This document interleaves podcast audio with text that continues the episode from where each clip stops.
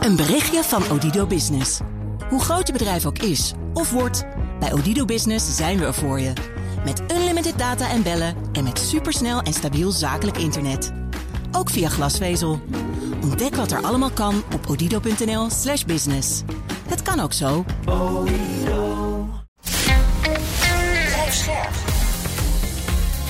BNR Nieuwsradio. Boekenstein en de Wijk. Hugo Reitsma. Dit is een extra uitzending van Boekenstein en de Wijk in verband met de oorlog in Oekraïne en de crisis met Rusland. Het is donderdag, dag 183 van de invasie. En een man met een mooie naam, Juan de Babos, zegt hallo Rob.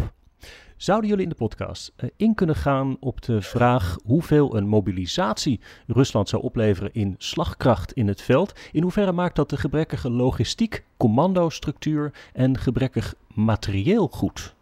Ja, dat is een hele goede vraag en die is wel lastig te beantwoorden omdat we niet precies weten hoe het in elkaar steekt. Nou, even gewoon de grote, de grote getallen, dat is denk ik wel belangrijk.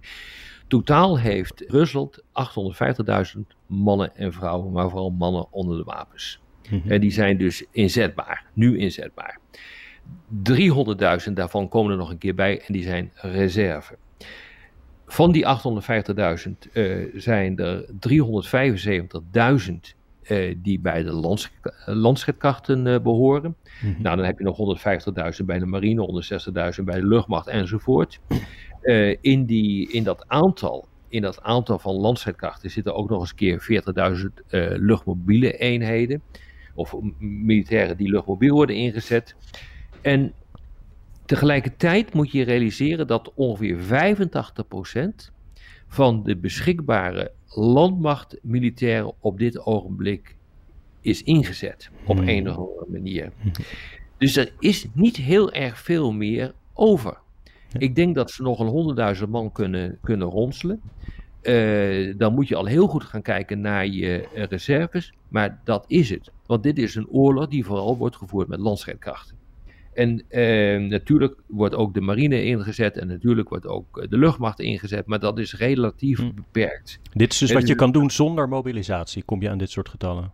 Nou ja, nee. Uh, als je dus 850.000 helemaal op de mat wil gaan, gaan brengen, wat dus gewoon niet kan, omdat een aantal daarvan al is ingezet, eh, dat, dat, dan zul je wel moeten gaan mobiliseren.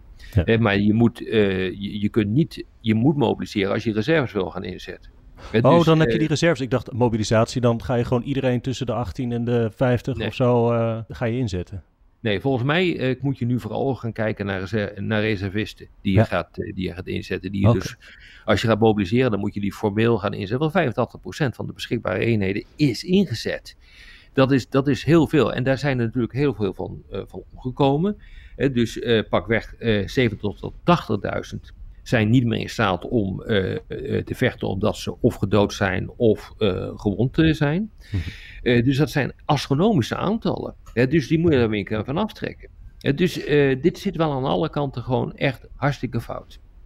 En dat betekent ook als je dus nieuwe mensen rondselt, dat je ze moet opleiden. Hè? Uh, ja. en, uh, er zijn heel veel voorbeelden van dat ze dan na een paar weken worden opgeleid. En dat is ook niet erg uh, behulpzaam ja. aan het front. Ja, ja. ja dus zo'n 100.000 zou mogelijkerwijs nog, nog kunnen. Dat is een zeer substantieel aantal. er zijn ook continu berichten dat men een eenheid ter grootte van een legerkorps probeert te formeren. Een legerkorps zou dan in dit geval pakweg 100.000 kunnen zijn, maar het kunnen er ook veel minder zijn, het kunnen er ook 60.000 worden. Maar dat hangt inderdaad af van de mogelijkheid tot werving. En daar hebben we geen goed zicht op.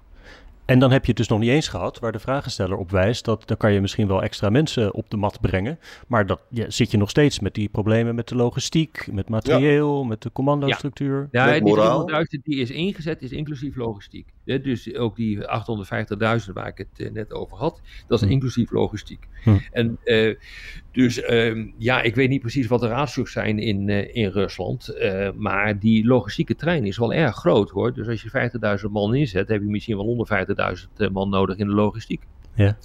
En weet je, we praten eigenlijk ook over Gerson dan natuurlijk gelijk. Hè? Gerson hebben, zitten ze in de verdedigende rol. Dat is makkelijker dan de aanvallende rol. Maar ze hebben partisanenstrijd daar. Dus er zijn heel veel, heel veel factoren die op elkaar inspelen. Ja. en het grappige is, het, het lukt maar niet. Hè? Dat, dat, dat meer mensen aantrekken. Het gaat ontzettend moeizaam.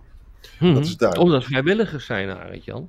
Ja. dat, dat, dat kan dus alleen mobiliseren als je dit tot een oorlog verklaart tussen Rusland en de NAVO. Uh, en wanneer er een existentiële dreiging is voor, uh, voor de NAVO. Uh, voor, um, voor Rusland. Mm en, en realiseer, wij, wij, worden vaak bekritiseerd, met name ik, die zegt van ja, we moeten uitkijken met, met de escaleren. Inderdaad, moet je daarvoor uitkijken omdat je niet verzeld wil raken in een kernwapenoorlog. Maar je wil het ook niet, en dat is precies ook wat, wat Biden doet.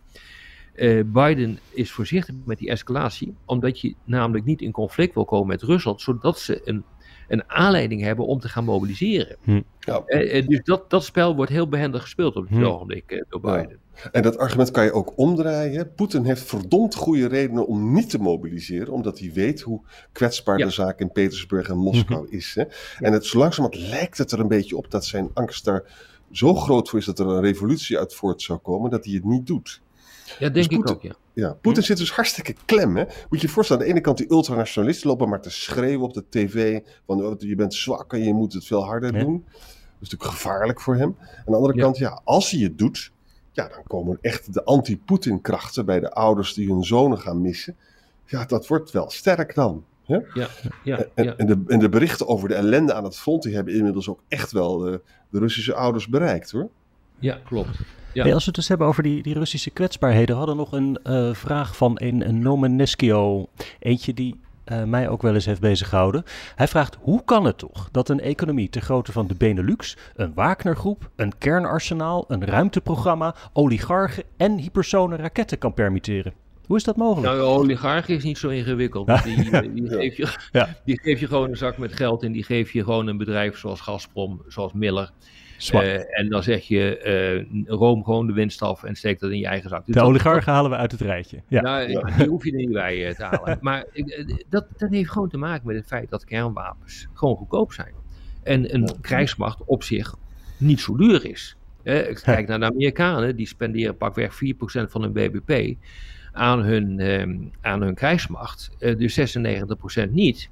En je, je ziet dus um, wat voor een enorme krijgsmacht dat oplevert. En ook Nederland, uh, als je kijkt naar het defensiebudget, is dat, dat is een van de kleinere budgetten uh, van de Rijksbegroting. Uh, dat is dus heel weinig. Dus een, een krijgsmacht is niet zo duur op het, op het totale geheel.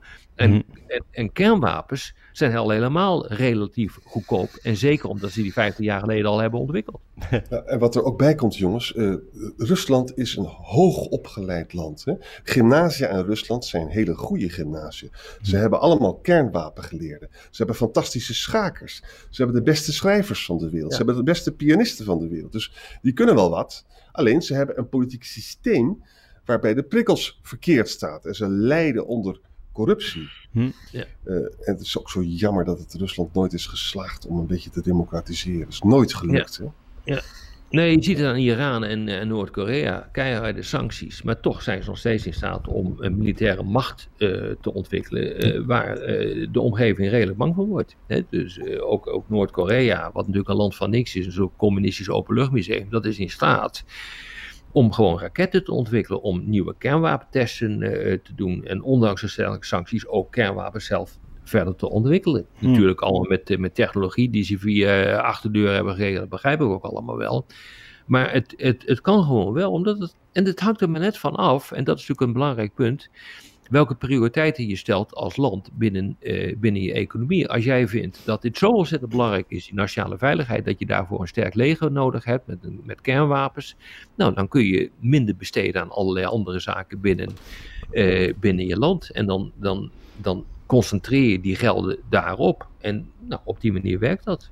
Ja, dus het, ja, dat is dus het treurige ding dat het makkelijker dan, dan zelf geld verdienen met een sterke economie en een goed opgeleide bevolking, is het gewoon veel wapens aanschaffen en iedereen doodschieten en dingen roven. Ja, zeker.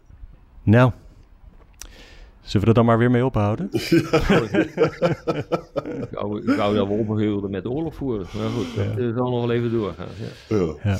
ja we, zien, we zien elkaar morgen. Ja, dank weer. Een berichtje van Odido Business.